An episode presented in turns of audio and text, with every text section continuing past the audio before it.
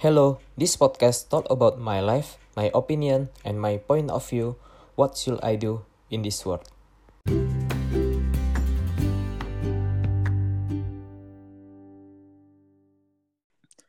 Halo semua, jadi balik lagi di Potsios bersama aku Yosua. Nah, kali ini untuk episode yang kedua ini, ini spesial loh guys. Nah, kenapa spesial? Karena kan biasanya kan kalau podcast pribadi kan emang sendiri gitu. Ya namanya juga pribadi. Tapi kan kali ini ini aku ada membawakan sebuah gestar.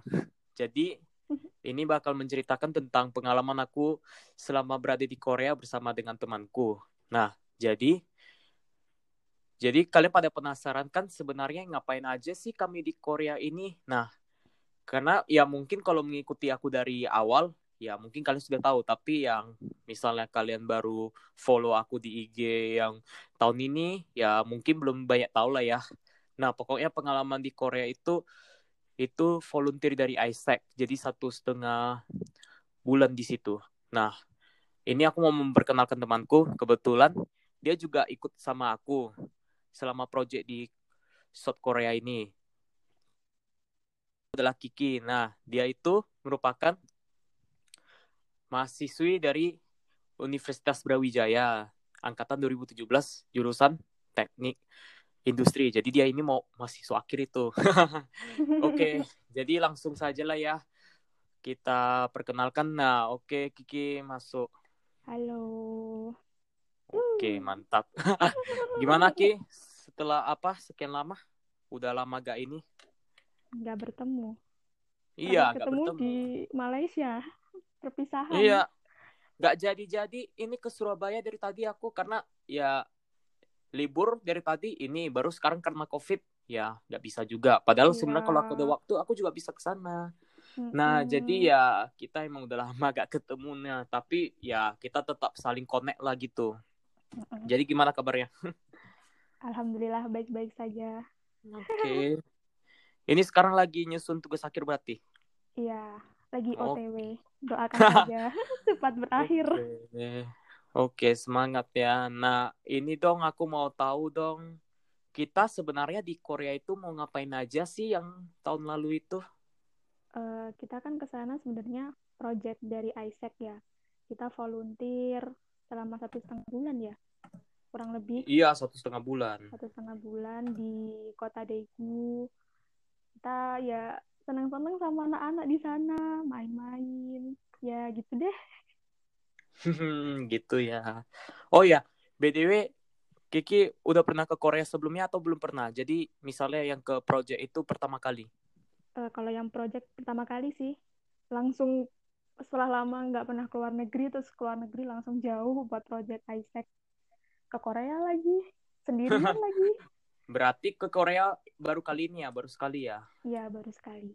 Sama dong, aku juga begitu. Soalnya kan aku kan biasa kalau liburan kan dekat-dekat luar negerinya. Aku belum pernah dan bahkan keluarga aku belum pernah liburan yang sampai sejauh kayak Korea, Jepang. Itu kan udah subtropis, sudah musim dingin apalagi ya, kita musim. kan musim dingin tuh. Ya dingin-dingin hmm. lah minus. Ya gimana lah ya. Pengalaman dingin gitu. Pengalaman pertama. Ya kalau ini kalau Kiki sendiri gimana pertama kali ke Korea? Perasaannya? Pertama kali sebenarnya agak takut juga ya kan. Aku cewek gitu kan. Terus agak ragu-ragu juga ini mana ya nanti di sana? Apa aman nggak ya? Terus mana pas sampai bandara itu benar-benar dingin banget kan minus lima gitu di uh, bandaranya. Terus petakut juga ini gimana ya? Kayak masih bingung gitu loh. Tapi ya sebenarnya kalau dari Korea sendiri itu kan semuanya udah informatif gitu loh. Jadi nanya pun juga bakal di, dijelasin secara detail. Jadi ya begitu tanya itu sebenarnya oh langsung paham. Oh ternyata tuh nggak sesulit yang aku bayangkan. Jadi lancar-lancar aja lah. Ternyata nggak sesuai yang aku bayangkan yang bakal sulit bakal kesesat atau gimana ternyata enggak Iyalah, setidaknya kan di Korea kan ada yang mengurus tentang ini bagaimana kita berangkat. Jadi kita uh. itu nggak cuma berangkat aja, tapi kita betul-betul dipersiapkan. Jadi misalnya kayak membuat visa. Jujur aja aku baru pertama kali membuat visa karena sebelumnya kan yang seperti ku bilang kan aku ke luar negeri kan cuma dekat-dekat aja, belum pernah sampai yang membuat visa begitu. Nah, Bekasnya itulah ada- aku menggunakan visanya dari travel. Oh ya, kan kamu kan bermasalah dulu. Visa itu sampai tertunda dua minggu lah, pokoknya telat. Iya. Padahal seharusnya tanggal, padahal seharusnya di tahun baru kita udah sampai di sana ya diundur dua minggu karena ada masalah teknis. saya Aduh, nggak gitu. apa-apa sih itu juga pengalaman. Iya sih. Nah, jadi kan itu ya emang pengalaman lah ya kan kalau membuat visa apalagi ya jauh dari apa Malang ke ini ke Jakarta. Ke Jakarta. Masalahnya nggak ada juga di Surabaya kantor Mm-mm. Koreanya. Jadi Iya, ya betul. apalagi yang belum pernah membuat ini pasti dari travel lah. Itu pun travelnya pun kita lihat-lihat juga apakah bisa Mm-mm. ini enggak. Aku jadi teringat lucu kali kamu baru datang dua minggu setelah itu agak telat ya. Padahal sempat aku tanya, kan di KL tanggal 29 aku, aku tanya, eh 30 deh. Aku tanya, kamu udah duluan berangkat gak? Eh, taunya diundur. Itu aku Ya, sebenarnya jadi- udah pesen tiket. udah pesen tiket tapi visanya belum keluar terus kayak ya udahlah di refund. Tadi pesan lagi dua minggu setelahnya ya Allah. Ya, untung sih bisa refund sih. Iya. Padahal sempat bermasalah gitu. Nah, Mm. jadi jadi gimana di Korea tuh? Setelah sampai di sana mau ngap apa? Ngapain aja lah di situ? Setelah sampai di sana kan kan tadi kan udah dijelasin bersama anak-anak, tapi lebih detailnya lagi boleh dong? eh project ya. Kita project eh, dari Isaac-nya itu sebenarnya aku juga nggak tahu ngapain gitu kan. Agak nggak jelas ya karena aku datangnya kan telat. Cuman kalau misalnya dari timeline awal itu kan kita ngajar ya ngajar anak SD sama anak SMA terus tentang art life saver gitu. Jadi kita lebih ke alam ya lebih ke lingkungan gimana caranya kita menjaga alam itu lebih sebenarnya lebih ke situ sih cuman aku juga karena aku datangnya telat terus agak sebenarnya agak bingung juga proyeknya ngapain gitu jadi ya aku sebenarnya ngikutin alur aja tapi tetap seru sih karena Iya kita sih. interaksi sama anak-anak di sana tuh seru-seru gitu loh Nih aku ingat kali loh, kamu baru nyampe itu kami udah mau selesai yang di Iya, SMA di Korea, SMA. Samwon High School. Iya Aduh. Oh iya, BDW ini kalau aku pengalaman pertama kali ke Korea itu aku kan datangnya baru tanggal 30 tuh. Sebenarnya gini, aku sebenarnya mesan tiketnya itu agak aneh gitu. Karena kan aku pesan dari Jakarta baru ke Medan. Nah, sebenarnya emang tempat aku di Medan, tapi aku langsung dari Jakarta. Jadi gini, kan jadi kan di tanggal 20-an Desember kan udah baru selesai libur dari di kampusku. Mm-mm. Jadi mau ke mau langsung ke Korea lah daripada 9 hari ngapain aku balik lagi ke Medan yang ngeluarin biaya. Nah, Iya, sebenarnya ya sebenarnya kalau PP lebih murah sih, bisa pesan kayak Garuda, Korean Airlines, tapi aku pesan Air Asia karena aku belum tahu tekniknya pada saat itu. Jadi aku kayak ya hari pertama hari pertama aku berangkat, bayangkanlah aku di Jakarta di Soekarno Hatta betul-betul gabut luar biasa. Ke- kepagian aku berangkat serius. Karena kan aku dari Bandung. Mm-mm. aku kan dari Bandung berangkat ke Jakarta. Kan dulu kan pada saat itu kan jalan tol masih sedang dalam konstruksi pembangunan yang jalan Iya. layang itu. Mm-mm. nah itu kan dulu macet kali. Nah aku pesannya pagi-pagi sebenarnya berangkatnya malam. Nah ya Allah. tapi di sana itu ya lumayan lancar jadi betul-betul gabut luar biasa. Jadi yang kulakukan di bandara itu adalah nongkrong entah gabut luar biasa main laptop. Nggak main laptop juga sih aku lagi ngerjain PPT karena kan karena kan kalau di sana kan nanti ada dipersiapkan. Jadi ya ada dari beberapa ya. negara iya negara kita kamu untuk juga nggak ikut Iya, sengkali gak ikut. Jadi aku menjelaskan sendirilah tentang Indonesia bagaimana dengan keadaan lingkungan di Indonesia. Sementara, nah sementara ada lagi ya teman kita yang dari Singapura, Malaysia sama China juga lagi membuat. Tapi mereka Mm-mm. buatnya itu setelah di Korea. Jadi tapi mereka kayak memfinishkan. Dan aku malah finishnya di bandara. Jadi betul-betul aku udah gak tahu saking gabutnya. Nah baru sampai malam berangkatlah kan jam 10 baru ke KL itu sampai jam kurang lebih setengah dua waktu Malaysia ya. Mm-mm. jadi kalau waktu Malaysia kan, kan satu jam lebih cepat daripada Indonesia yang biasa. Nah Iya. di situ bayangkan aku tidur di bandara gimana? Ah tidur. Ya tapi agak nyenyak sih maksudnya tidur di karpet lumayan enak. Cuma Iya, ya karpetnya begitu. empuk kan? Iya. Baru paginya kan udah nyampe paginya kan berangkat tuh 6 jam. Betul-betul kalau di Air Asia itu mana ada kayak TV apa gitu. Jadi ya bosan. Aku cuma dengerin Mm-mm. musik baca gitu. Nah baru sampai di Korea awalnya kan aku memakai jaket biasa jaket tipis gitu. Bukan jaket yang Iya. tebal untuk musim dingin. Nah awalnya pas keluar dari pesawat tidak terlalu bermasalah tapi pada saat aku keluar betul-betul keluar dari bandaranya ah dingin luar biasa Dingin aku banget. langsung balik langsung balik aku langsung pakai ganti baju lah karena aku belum pernah terbiasa kan selama Mm-mm. ini kan kalau minus kan aku cuma pernah di wahana doang wahana Iya. kayak di Ancol ada yang ini entah gak tahu kalau ada nah tapi pokoknya adalah di wahana yang minus minus adalah nah tapi kali ini emang beneran minus Beneran literally minus. Heeh. jadi ya ke toilet ganti ganti jaket ya udah. Itu pun jaket pun aku belum pakai baju double ya karena gerah nanti. Mm-mm. ya kedinginan dan aku luar biasa dingin. Nah pada saat itu kan sebenarnya kita salah pesan tiket. Harusnya kita pesan ke Busan kalau tahu lebih dekat. Tapi ya udah aku mau ke Incheon karena kan Incheon kan salah satu bandara tersibuk di dunia Iya. dan terbesar. Jadi aku kayak mau lihat lah. Nah untung dikasih tahu ada bus ini ya udah ikut aja gitu.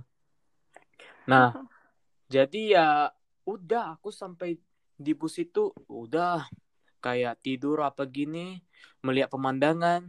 Pokoknya Hmm. pengalaman di Korea beda lah sama Indonesia. Apalagi musim dingin aku belum pernah ke sana. Jadi eh dingin amat. Jadi pada saat sudah, sampai di Daegu kan ada ada panitia yang ngurus itu nah Iya. jadi mereka lah baru ini ada kasih alat ini pemanas ini untuk hot pack Iya untuk bat tangan, iya. Jadi Iya. kayak digoyang-goyang gitu, baru Mm-mm. kayak ada bantal gitulah, pokoknya yang isinya hangat. gel itu kan Nah, itu awalnya saja sih ku pakai karena belum biasa. Jadi keingat ya, pokoknya paling berkesan aja gitu.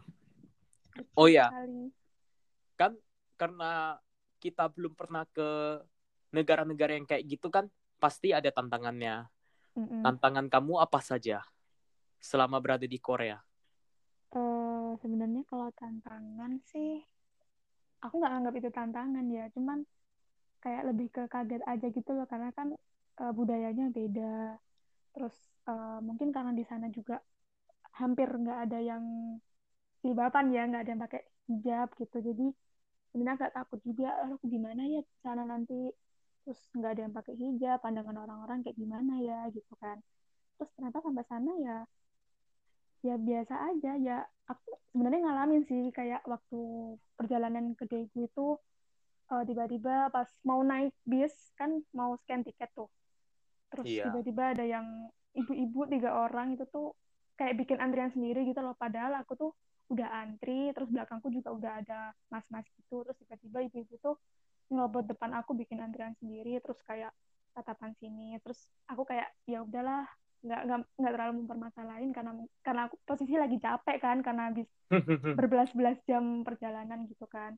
Terus eh, setelahnya pas di rest area itu kan aku ke toilet tuh. Ke toilet ketemu tiga ibu-ibu itu lagi terus tiba-tiba jilbab aku ditarik. Terus aku kayak ya aku cuma senyumin aja karena aku posisinya kan kayak loh apa sih kok narik apa hijab aku? Gitu kan. Terus kayak agak shock gitu terus aku cuma senyum aja. Terus aku balik ke bis terus aku kayak langsung mikir gitu wah ini orang paling eh, penasaran kali ya sama hijab aku. Eh, kayak berusaha per positive thinking gitu loh berusaha untuk nggak takut.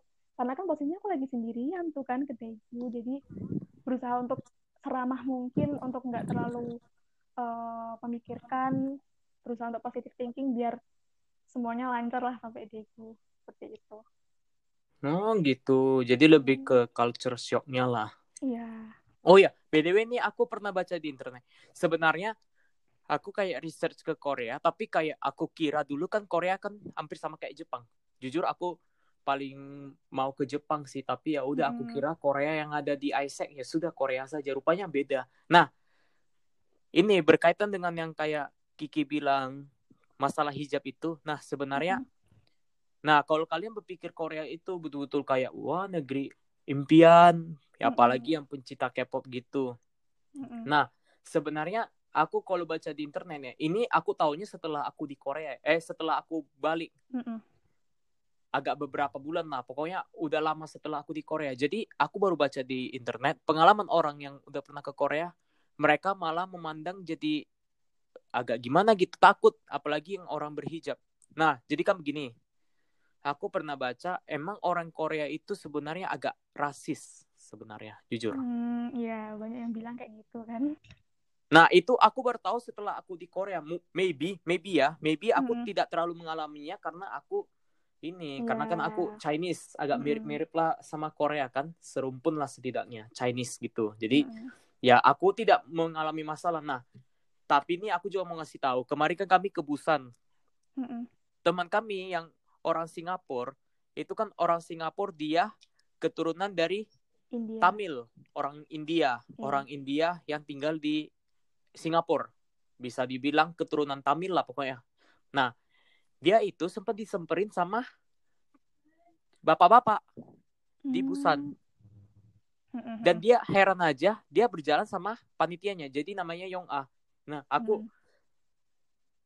gak Yong Ah sih sepertinya, tapi ya pokoknya orang Korea lah baru kayak ditanya sama dianya, kamu kenapa dekat-dekat sama dia? Apa urusan kamu sama dia? Se- sebegitu rasisnya lah. Jadi for your information, ya kalau kalian mau ke Korea, ya jangan sakit hati ya kalau misalnya ada orang Korea yang menganggap memandang rendah gitu.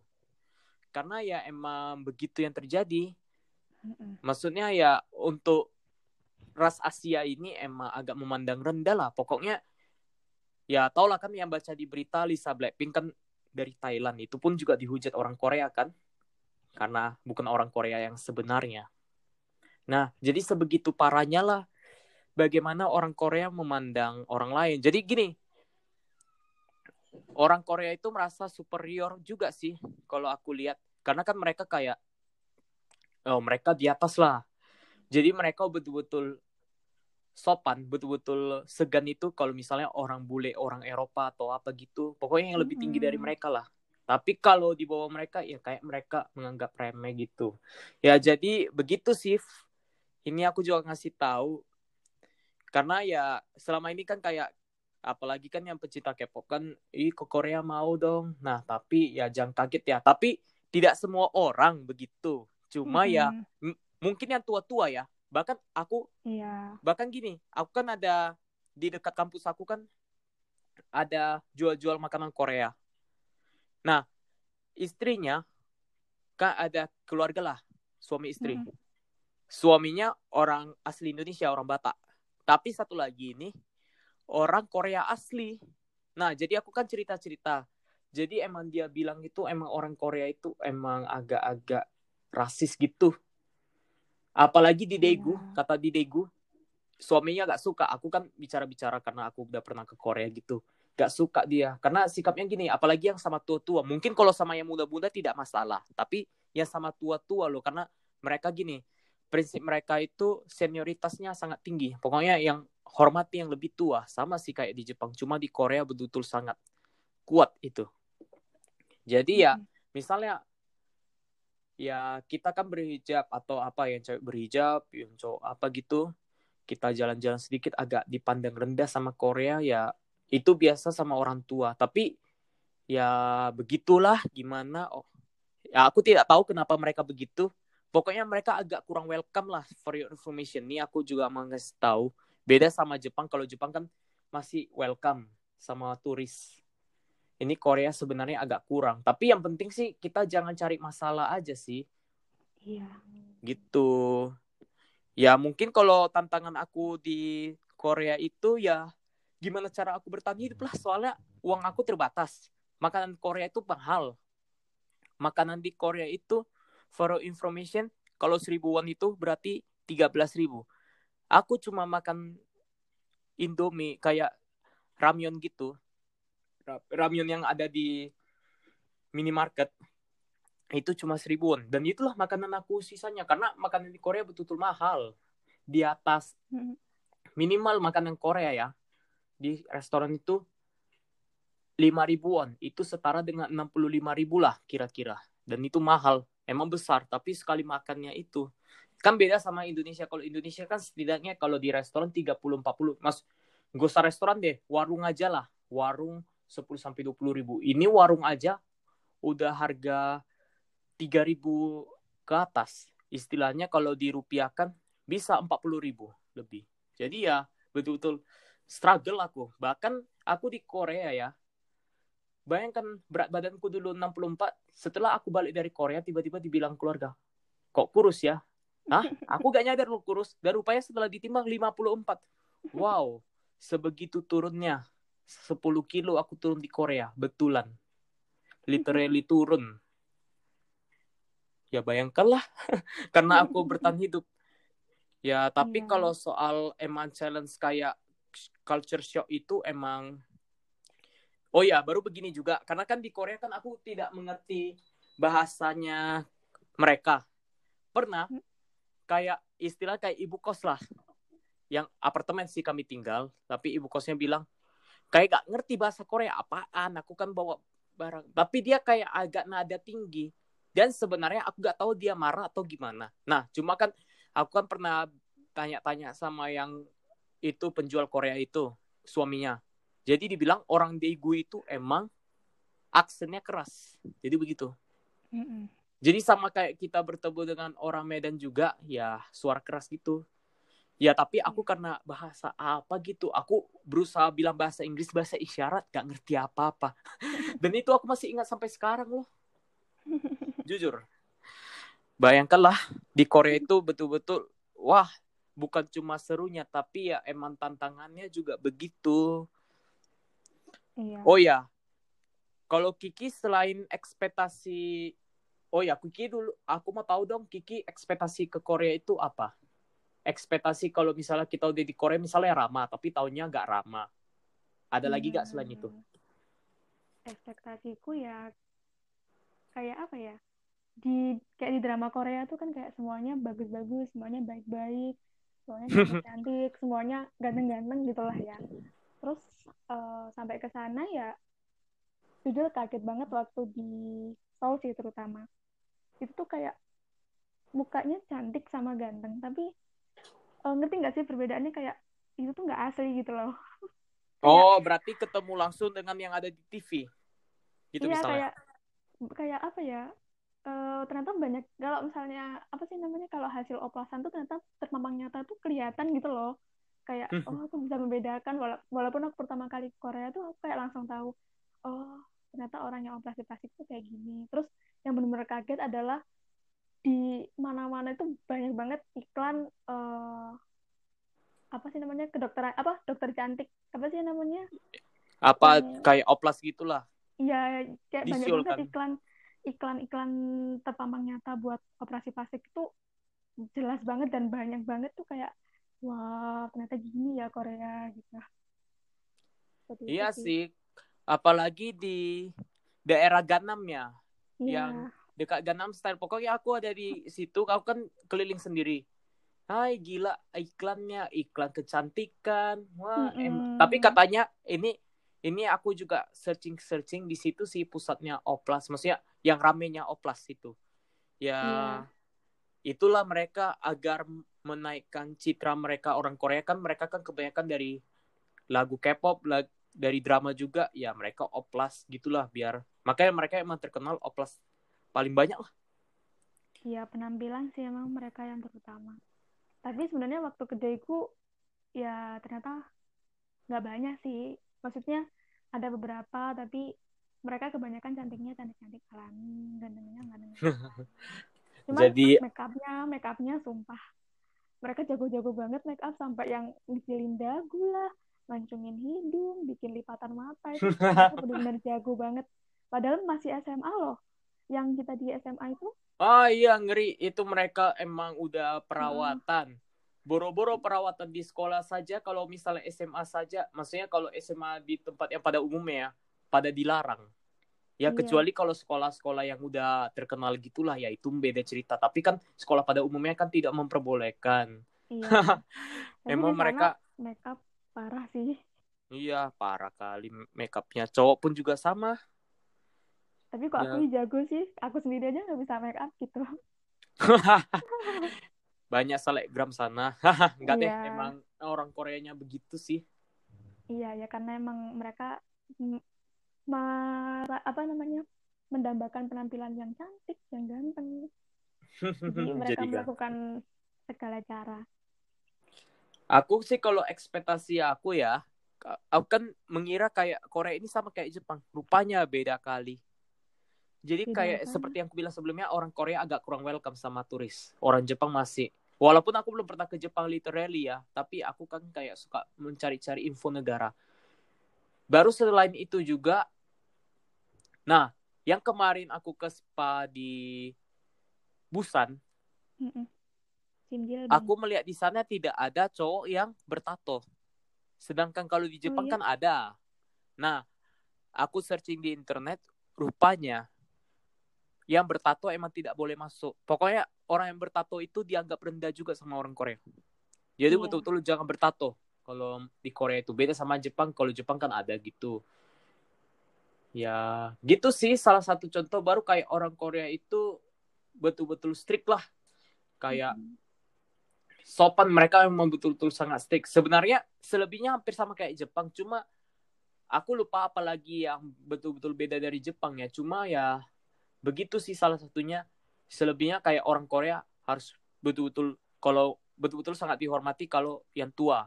Baru selain itu juga emang makanan harus dihabiskan. Nah, baru selain itu aku juga pernah menemukan suatu pengalaman nih. Aku kan jalan-jalan di Taman Daegu. Aku sebenarnya gak tahu peraturannya. Kan aku kan suka ngefoto gitu.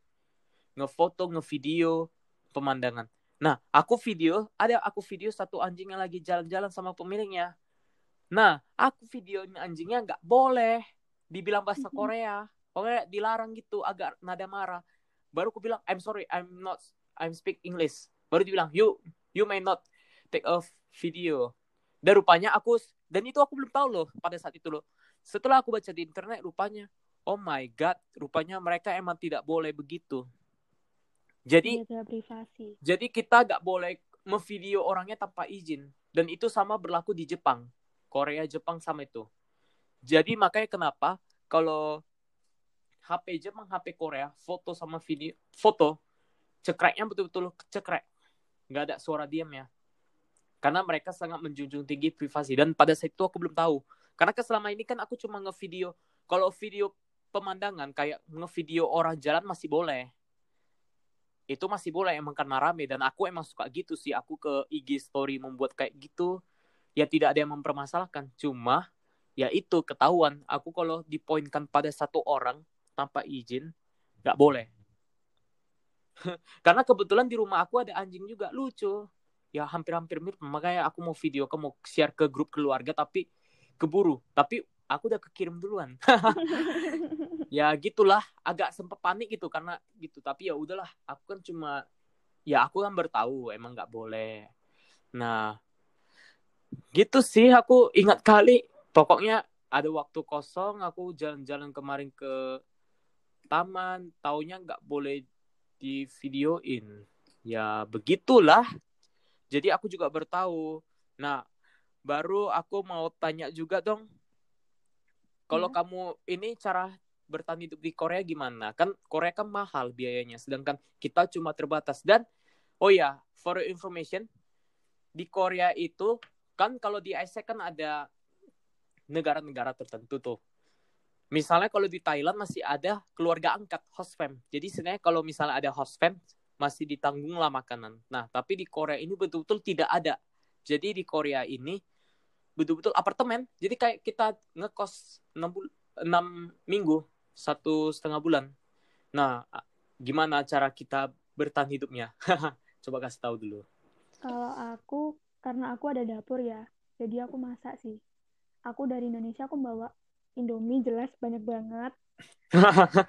Jadi aku kadang makan Indomie malam-malam kadang kalau masih lapar aku beli nasi ke Siu terus makan nasi sama mie gitu. Terus kadang beli telur juga jadi beli telur yang isinya 24 itu aku pakai buat makan uh, seminggu. Terus beli nasi juga terus beli sayur-sayuran jadi aku masak sih. Lumayan buat seminggu tuh apa namanya bahan-bahannya tuh buat seminggu cukup. Oh ya emang di situ ada rice cooker ya? Enggak nasi instan. Nasi instan oh nasi yang, instan. ya, oh iya ngerti ngerti ngerti. Yang diangetin pakai microwave. Gitu sih. Eh tapi enak loh kalian. Iya. kan kamu kan sama siapa? Si Jenny yang dari Jenny. China gitu. Itu Hmm. masih enak. Aku betulan sendiri loh. Sendiri tidak ada temanku. Sebenarnya dulu ada cowok yang mau berangkat dari Mesir tapi batal karena visanya nggak di approve gitu. Jadi betulan aku sendiri. Jadi cuma aku sendirilah yang cowok di situ. Selebihnya cewek. Dan di, di Korea itu terbatas sih. Gak banyak banyak orang. Ya enak sih. Ya setidaknya kamu masih adalah teman aku. Tidak ada teman sama sekali. Jadi betulan aku kayak di hotel. Bayangkan di hotel di Pyeongchang aku harus bayar yang mahal. Sedangkan kalian bisa membayar setengahnya karena Iya, bagi dua. Berdua. aku membayar lit literally-nya membayar satu kamar full untuk aku sendiri doang jadi kamar pri- pribadi gitulah. Baru gimana lagi selain tadi makanan? Makanan terus kan karena aku takut ya eh, makanannya tuh eh, mengandung babi juga kan jadi aku cari yang aman-aman aja kayak kimbab bibimbap. Jadi kalau misalnya ke tempat makan ya pesannya cuma itu itu aja karena mau pesen daging juga kayak apa sih namanya nasi sama beef itu mau beli tiap hari juga nggak kuat duitnya kan. Jadi biasanya beli bibimbap atau kimbab yang murah atau ramyeon. Jadi ya yang murah-murah aja buat bertahan hidup sampai satu bulan. Terakhir kita jadi makannya cuma di minimarket aja. Iya. Cuma makan mie aja. Ya itu aku juga sama sih. Tapi aku ada fak- satu yang menarik nih aku kan selain makan di situ kan aku kebetulan ada ketemu promo tuh. Udah termasuk murah kali.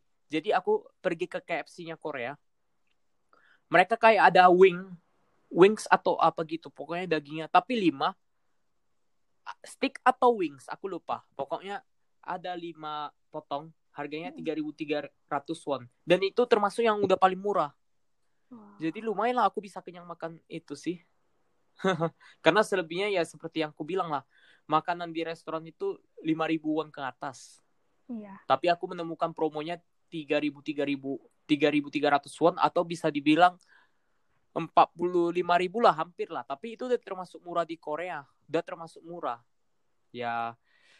Jadi ya di Korea itu betul-betul ya susah kita cari makan. ya kan? iya Nah, kalau aku begitu. biasanya ngakalinnya biasanya kayak beli ayam gitu kan. Satu porsi kan isinya 10 potong. Itu biasanya kita urunan aku sama si roommate aku si Jenny itu kita urunan beli berdua terus kita beli nasi. Jadi makannya di rumah sama nasi kan karena emang kalau di restoran ayam kan nggak nyediain nasi juga kan. Jadi kita nasinya beli di siu terus kita bawa ke rumah kita makan sama ayamnya. Jadi ayamnya bagi dua sama nasinya juga bagi dua gitu lumayan Hmm, lumayan lah kalian kan berbagi bagi dua aku sendiri ya susah gitu Mm-mm. nah kan Kiki kan udah udah lumayan lah mengalami pengalaman di Korea walaupun telat dua minggu Mm-mm. sayang kali padahal padahal kalau Kiki tepat waktu bisa ikut Global Village loh Global Iya. Village yang membawa perwakilan Indonesia sayang kali tidak ikut karena masalah visa Bisa. itu baru ke Lotte World juga ay aku Iya. ingat kali bahkan di Lotte World itu paling berkesan ya. Mm-mm. tapi tolong jangan diberitahukan ya sama yang ininya. Karena gini jadi kan di Korea kan tiket masuk kan 36 ribu won sekitar itulah. Sebenarnya kan kami kayak nombok gitu. Sebenarnya kami aku mau bayar punya aku sendiri. Sama IP badiku sama pengurus yang dari Koreanya itu panitnya nah dibilang dia nanti bayar ya sama aku ya. Aku sebenarnya mau ngasih uangnya langsung di situ biar langsung dapat uangnya. Biar langsung udah bayar. Mm-mm. tapi rupanya dia gak ingat. Aku pada dan aku sebenarnya agak agak takut juga. Ini jangan ditiru ya guys. Jangan ditiru. Jadi betulan literally aku tidak membayar. Padahal aku niatnya mau bayar di awal tapi dia bilang nanti ya nanti ya. Cuma dia tidak ada ingatin baru beberapa minggu kemudian Oka sempat agak takut tuh agak takut dia menanyakan rupanya sampai aku pulang pun tidak ada ditanyain bahkan sampai sekarang lucu gak sih sama siapa sih Yong A. Aku lupa, bukan Yong A, bukan Yong A, tapi yang satu lagi ya agak agak-agak ketus gitu. Bukan si Yona. Kim Ye Jin ya, bukan. Yona. Yang bukan tinggi. Yona. Hah? Yang tinggi itu, yang cantik. Bukan. Tinggi rambut panjang. Kalau Yong A kan yang biasa kita ini, Yong A bukan. Yona. Kalau. Kim Ye Jin bukan. Ada satu lagi, lupa aku namanya. Oh. Pokoknya dia bilang nanti bayar sama aku ya pakai uang dia dulu. Padahal aku mau bayar pakai uangku sendiri 36 ribuan. Bisa dibilang harga tiket ke Lotte World itu sekitar 400an ribu. Terakhir aku gak bayar lah. Ini jangan ditiru ya. ya guys. Ya tapi ini pengalaman yang tidak terlupakan. Ya lumayan. Uangku 36 ribuan ya udah aku simpan aja. Karena ya gini aku kan mau bayar uang pakai 50 ribuan kan uangku kan uang kembalian pastinya.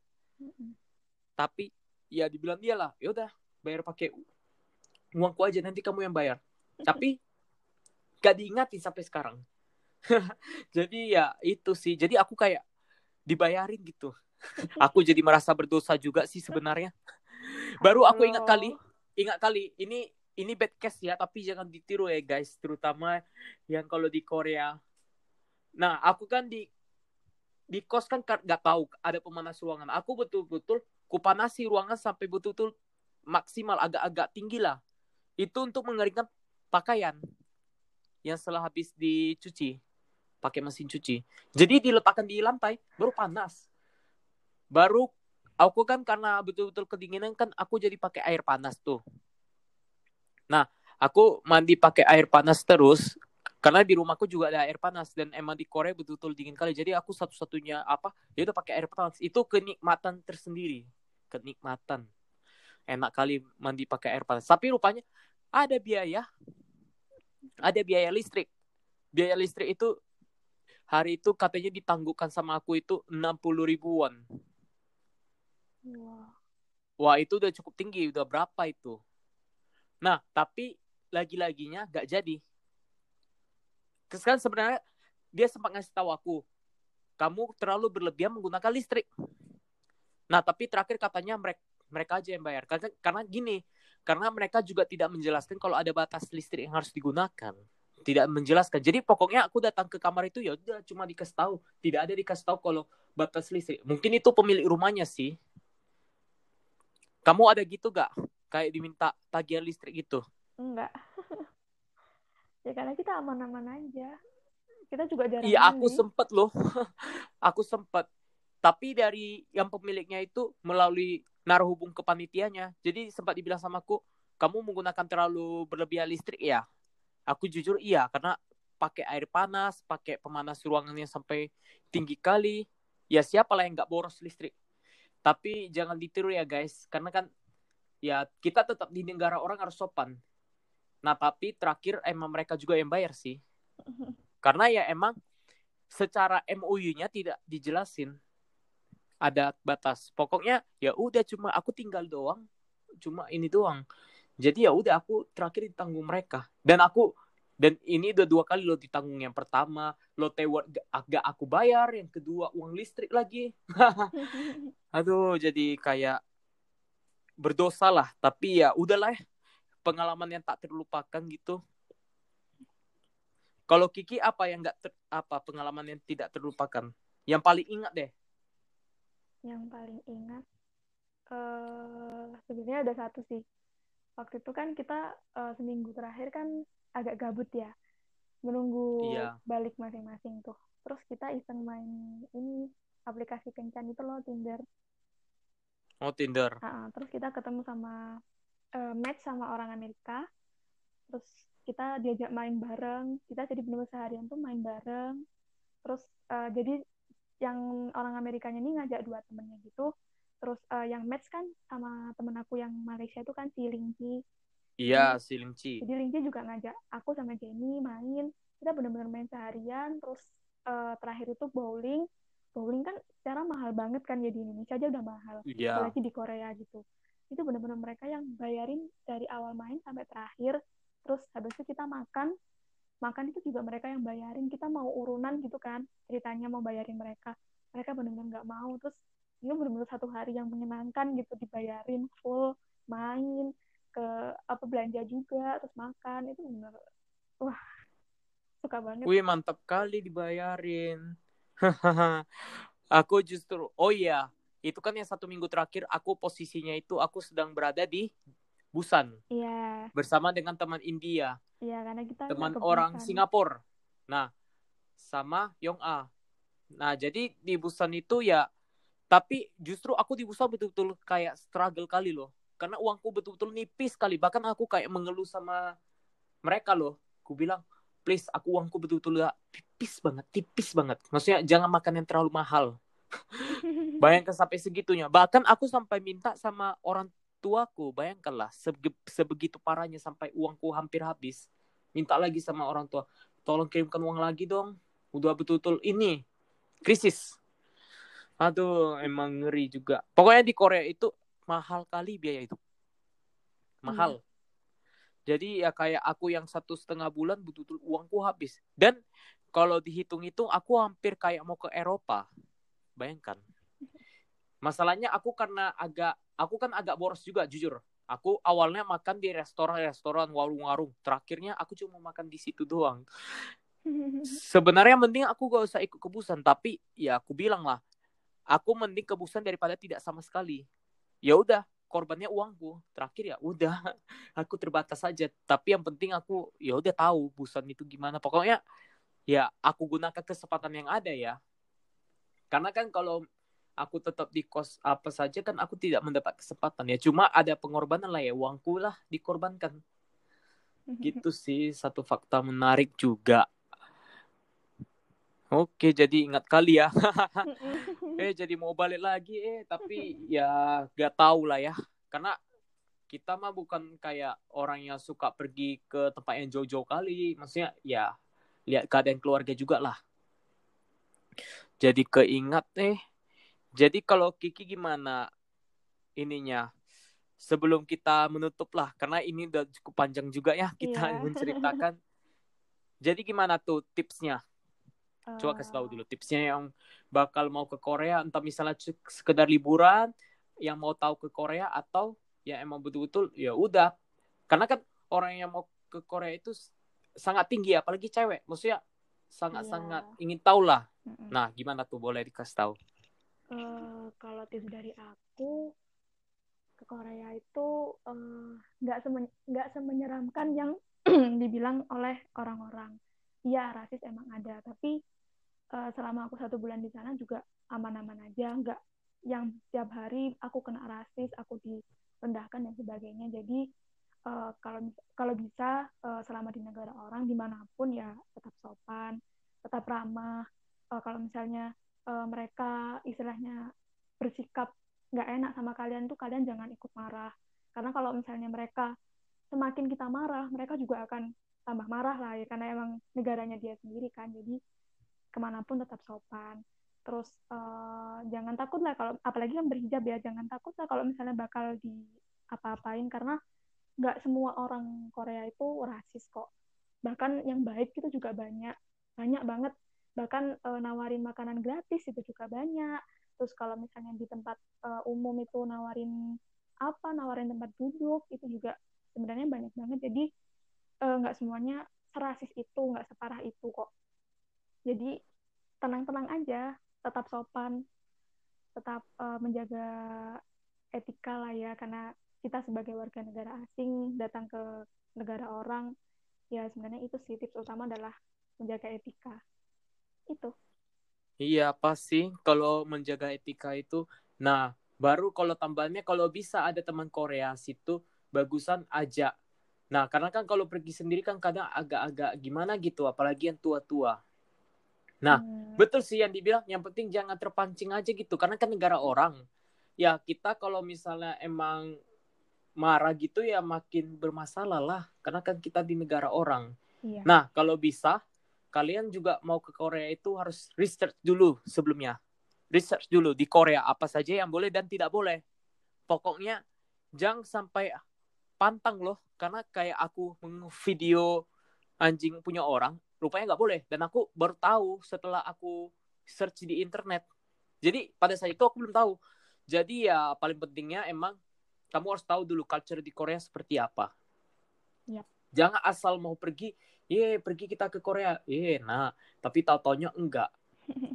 ya, kita harus tahu aturan juga sih. Jadi, kita boleh foto pemandangan untuk IG story, ya itu maklum-maklum aja, oke-oke saja. Tapi jangan nge-video ke satu orang, kecuali kalau Anda sudah punya izin. Gitu, mainnya di Korea. Baru di Korea sih emang destinasinya mantap-mantap sih.